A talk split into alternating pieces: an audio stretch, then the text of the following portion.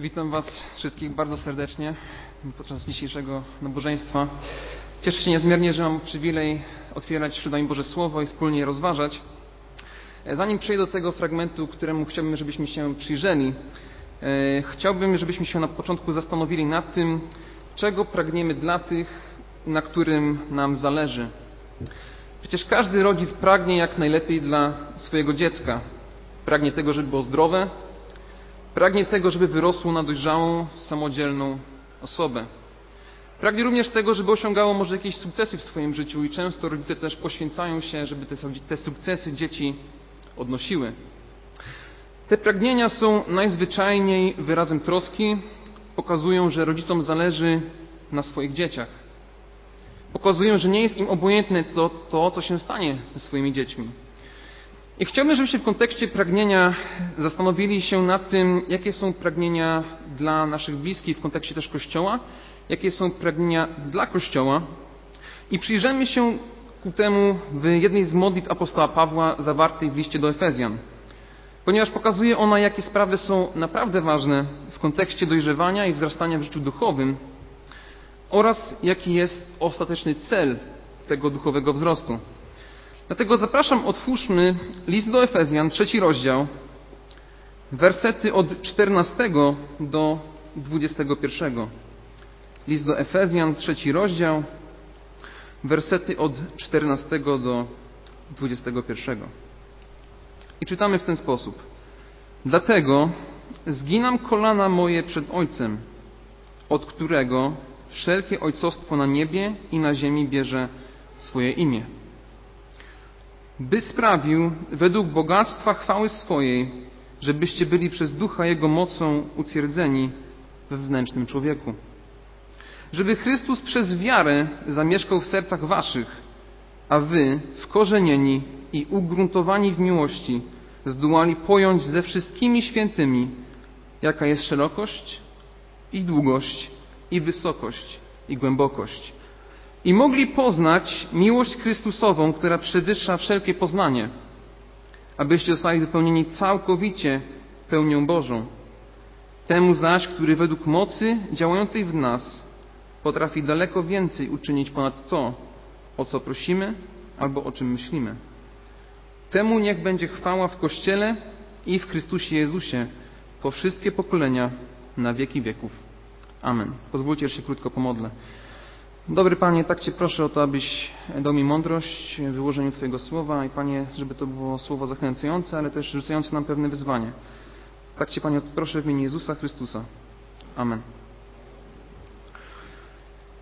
Fragment, któremu będziemy się teraz bliżej przyglądać, jest drugą ważną modlitwą w tym liście. Pierwszą modlitwę możemy znaleźć w pierwszym rozdziale, w wersetach od 15 do 23. Paweł tam mówi o tym, że należy zgłębiać swoją relację z Ojcem, żeby poznać Boga Ojca dogłębnie, żeby Boży Duch posłany przez Ojca otworzył oczy chrześcijan do zrozumienia bogactwa duchowego, z jakim jest związane stanie się chrześcijaninem albo z nowym narodzeniem.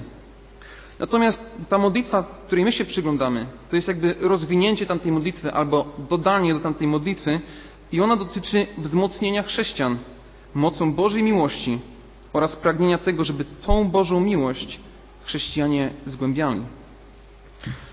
Pierwszą rzeczą, na którą należy zwrócić uwagę w tym fragmencie, znajdujemy w wersji 14. Czytamy: Dlatego zginam kolana moje przed Ojcem. I na początku mogłoby się wydawać, że to nie jest nic, nic dziwnego, ale wielu, przecież dzisiaj wielu ludzi modli się na kolanach, prawda? W kościele też czasami się modli na kolanach.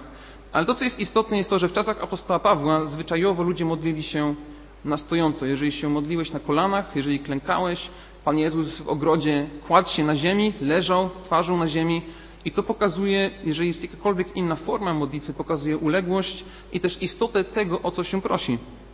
Dlatego to, o co apostoł Paweł w tej sytuacji prosi, jest niezwykle, niezwykle ważne. Oto o co takiego, o co takiego prosi? Po pierwsze, prosi o to, że Bóg Ojciec sprawił według bogactwa chwały swojej, żebyście byli przez ducha Jego mocą utwierdzeni wewnętrznym człowieku. Także to jest modlitwa o posilenie Bożą mocą. O to, żeby Bóg wzmocnił tych, którzy w Niego wierzą. No i rodzi się oczywiście pytanie, co to jest za moc? O jaką moc tutaj apostoł Paweł się modli? I czym mają być wzmocnieni? I właśnie w pierwszym liście do Efezjan, w pierwszym rozdziale listu do Efezjan, w wersetach 19 do 20, Paweł mówi o tej mocy i mówi o niej w ten sposób, w wersetach 19 i 20 pierwszego rozdziału listu do Efezjan.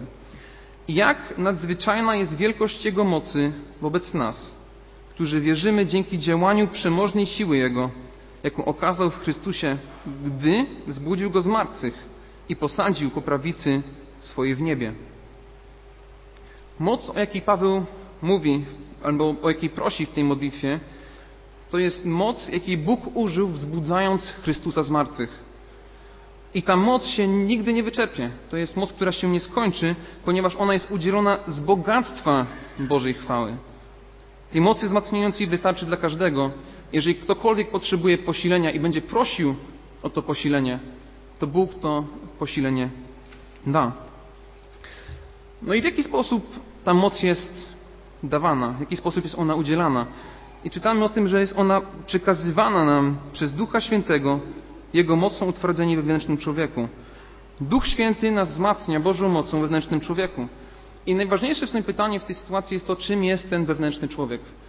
No i znowu można zobaczyć, że u Pawła bywa pewne rozróżnienie naszego zewnętrznego człowieka i naszego wewnętrznego człowieka. Nasze ludzkie ciało jest tym, co jest zewnętrzne, czyli my się starzejemy, chorujemy i dojrzewamy oczywiście również. Ale również są, to są zewnętrzne zmiany. Ale również są pewne wewnętrzne zmiany związane z tym, że stajemy się osobami nowonarodzonymi i to widzimy w drugim liście do Koryntian, w czwartym rozdziale, w wersecie szesnastym, gdzie czytamy Dlatego nie upadamy na duchu, bo choć zewnętrzny nasz człowiek niszczeje, to jednak ten nasz wewnętrzny odnawia się z każdym dniem. Każdego dnia Bóg odnawia nas i nas posila.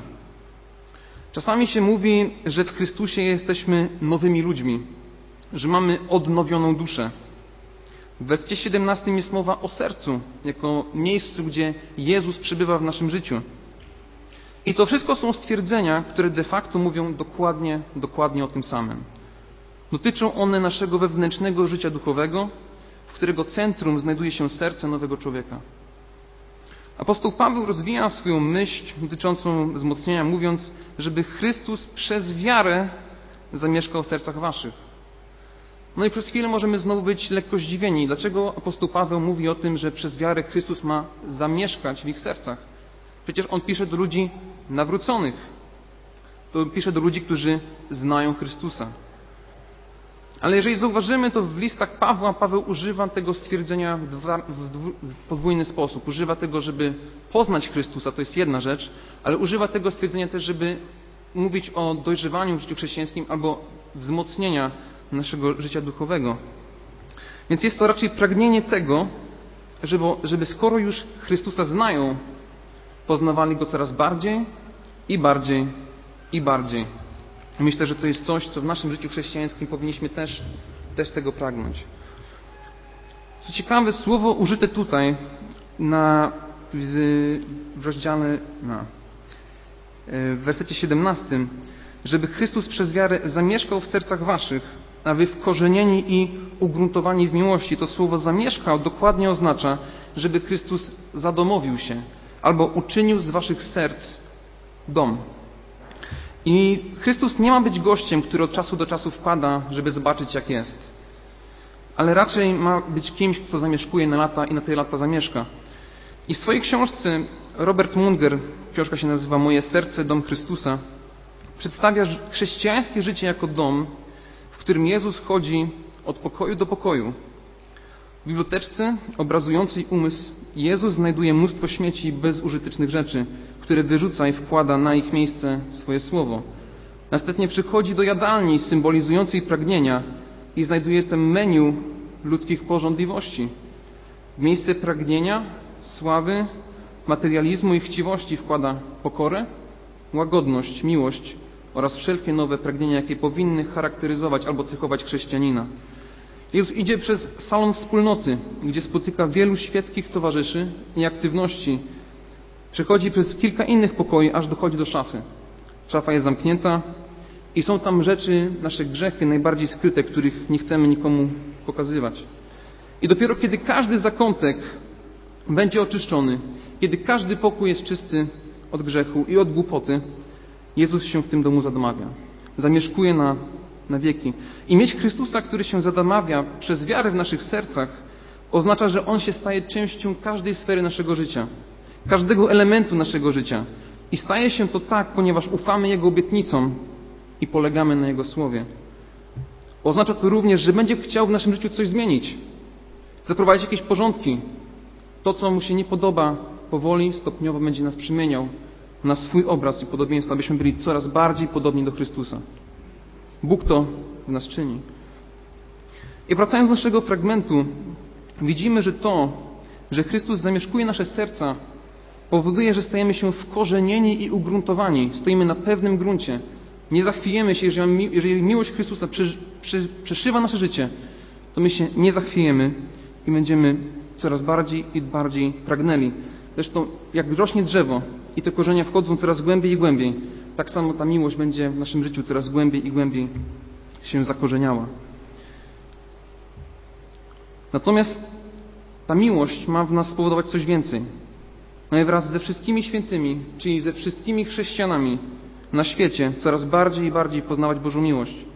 I moi drodzy bracia i siostry, nie możemy jako ci, którzy doświadczyli ogromnej Bożej łaski, i bogactwa Jego miłości stawać w miejscu w naszym życiu duchowym. Nie możemy stanąć w miejscu i powiedzieć Bóg mnie kocha i tylko tyle. Ale musimy pragnąć poznawać kolejne aspekty tej Bożej, tej Bożej miłości.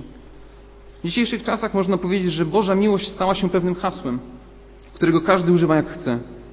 Sprowadza się często do pewnego płytkiego stwierdzenia właśnie Bóg mnie kocha.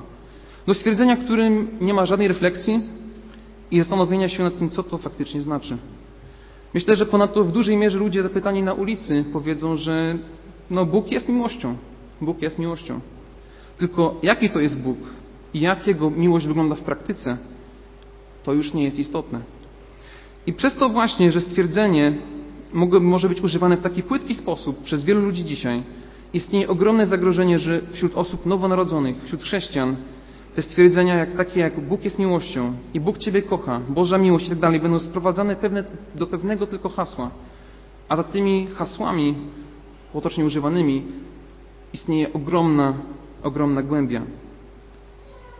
I zamiast zastanawiać się nad, i reflektować nad pełnym znaczeniem tych słów, pozostają one samym sloganem.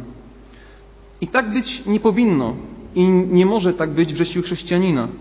Boża miłość jest czymś, nad czym powinniśmy się zastanawiać, czymś, co pragniemy rozumieć lepiej każdego dnia. I więcej powinniśmy pragnąć też tego, aby tą miłość coraz lepiej i coraz dokładniej znali nasi bliscy, ludzie ze zboru, aż na końcu wszyscy chrześcijanie, albo tak jak to opisuje Paweł, wszyscy święci. To jest odważna modlitwa. Paweł nie modli się tylko o zbór w Efezie, on się nie modli tylko o swoich bliskich, on się modli o wszystkich świętych, czyli każdy chrześcijanin, każdy prawdziwie nowonarodzony człowiek jest pod tą modlitwę podpięty, w tym również i my. I coraz lepsze rozumienie Bożej miłości będzie miało wymierny wpływ na Twoje życie. Im lepiej będziesz rozumiał, znał Bożą miłość i łaskę, tym łatwiej będzie Ci pokazywać miłość do bliźniego. Tym łatwiej i lepiej będziesz mógł okazywać tę miłość braciom i siostrom w Chrystusie. No to skoro wiemy, że powinniśmy pragnąć głębszego zrozumienia Bożej miłości, to czym ona jest? I pragnę Was skierować do pierwszego listu Jana, czwartego rozdziału. Przeczytamy wersety od dziewiątego do jedenastego. Bo można mówić o miłości, można mówić o miłości, ale jeżeli się nie powie, czym dokładnie ta miłość albo w czym się ta miłość objawiła, to też miłość może pozostać sloganem. Otwórzcie proszę pierwszy list Jana, czwarty rozdział, wersety od dziewiątego do jedenastego. I czytamy w ten sposób. W tym objawiła się miłość Boga do nas, iż Syna swego jednorodzonego posłał Bóg na świat, abyśmy przezeń żyli. Na tym polega miłość, że nie myśmy umiłowali Boga, lecz że On nas umiłował i posłał Syna swego jako ubłaganie za grzechy nasze. Umiłowani, jeżeli Bóg nas tak umiłował, i myśmy powinni się nawzajem miłować. I jeszcze werset 19. Miłujmy więc, gdyż On nas przedtem umiłował. Boża miłość w szczególny sposób objawiła się na krzyżu. Dzisiaj w tych pieśniach też śpiewamy o tym, w modlitwach też Bogu za to dziękujemy. W tym, że Jezus, Syn Wszechmogącego i Świętego Boga, schodzi na ziemię, żeby oddać swoje życie za tych, którzy przeciwko Niemu zgrzeszyli. Po to, aby ich wyratować z grzechu i dać im zbawienie. Werset dziesiąty doskonale to oddaje. Mówi o tym, na tym polega miłość, że nie myśmy umiłowali Boga, lecz że On nas umiłował i posłał Syna swego jako ubłaganie za, za grzechy nasze. Jezus wziął na siebie karę należną nam, On zajął nasze miejsce na krzyżu, mimo że na to nie zasługiwaliśmy. I o własnych uczynkach nigdy, nigdy też nie zasłużymy. Ale dzięki wierze właśnie w Jego śmierć i Jego zmartwychwstanie będziemy zbawieni. Właśnie ten werset 19, który też przeczytałem, miłujmy więc, gdyż On nas przedtem umiłował, dokładnie mówi o tym, że jeżeli rozumiemy Bożą miłość, jeżeli Boża miłość jest częścią naszego życia, no to będziemy też miłować innych ludzi. Będziemy mogli miłować naszych bliźnich, naszych sąsiadów, naszych braci i sióstr. Będziemy mogli wiedzieć, to będzie miało wpływ na nasze relacje z ludźmi. To, jak do nich mówimy, jak na nich patrzymy, co o nich myślimy. Co więcej, im lepiej rozumiemy Bożą miłość, tym łatwiej jest nam przebaczać tym, którzy nas skrzywdzili, bo wiemy, jak wiele przebaczył nam Bóg. Będzie nam prościej być cierpliwym, wiedząc, jak bardzo cierpliwy względem nas jest Bóg. Im bardziej będziemy zgłębiać Bożą miłość, tym bardziej będą widoczne wymierne jej efekty w naszym życiu. Także Boża miłość została objawiona ludziom w szczególny sposób w Jezusie Chrystusie. Ta miłość ponadto jest szczególna, ponieważ ona jest pewna. To nie jest miłość, która zanika. Otwórzcie proszę list do Rzymian, ósmy rozdział. Czytamy wersety 38 i 39.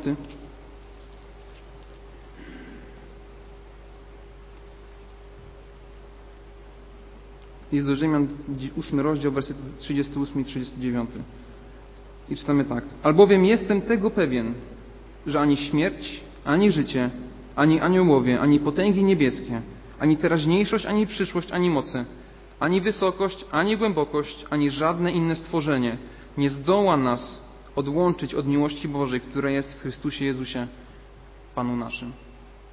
Żadne moce, żadna śmierć, żadne ani żadni aniołowie, żadne demony albo jakieś inne moce, ani nic innego nie jest w stanie nas oddzielić od Bożej miłości. Jest to miłość pewna. I jest to miłość polegająca na tym, co Bóg uczynił dla nas, a nie na tym, co my uczyniliśmy dla Boga.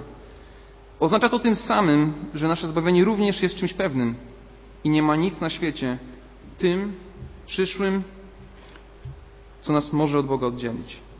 I moi drodzy bracia i siostry, Boże Słowo mówi nam o wielu aspektach tej miłości które powinniśmy pragnąć zgłębiać i zastanawiać się nad tym, jak wpływają na nasze życie. Ale mamy też tą miłością żyć każdego dnia. Ponadto powinniśmy pragnąć tego samego dla wszystkich, naszych bliskich, dla naszego zboru i dla wszystkich chrześcijan. Jest to niezwykle odważne ze strony Pawła, już o tym wspominałem, że on się tej modlitwie o to modli. On się o to modli, żeby wszyscy chrześcijanie mogli jak najlepiej poznawać Bożą miłość. I to doprowadza nas do tego momentu, o co, do czego to wszystko zmierza, dlaczego mamy tą miłość jak najbardziej poznawać. I to widzimy w wersecie 20, w wersecie 19. I mogli poznawać miłość Chrystusa, która przewyższa wszelkie poznanie, abyście zostali wypełnieni całkowicie pełnią Bożą. I czym jest to pełnia Boża? Jest to stwierdzenie używane często przez Pawła do opisywania dojrzałości duchowej. Także jeżeli pragniemy być dojrzali w swoim życiu duchowym, jeżeli pragniemy, żeby inni też byli dojrzali w swoim życiu duchowym, to po, to po pierwsze módlmy się o to i zgłębiajmy i zastanawiajmy się nad całą szerokością, długością i wysokością i głębokością miłości Chrystusa. Niech Boża miłość, miłość Chrystusa nie będzie tylko pustym hasłem w naszym życiu, ale niech staje się rzeczywistością każdego z nas, każdego dnia. Amen.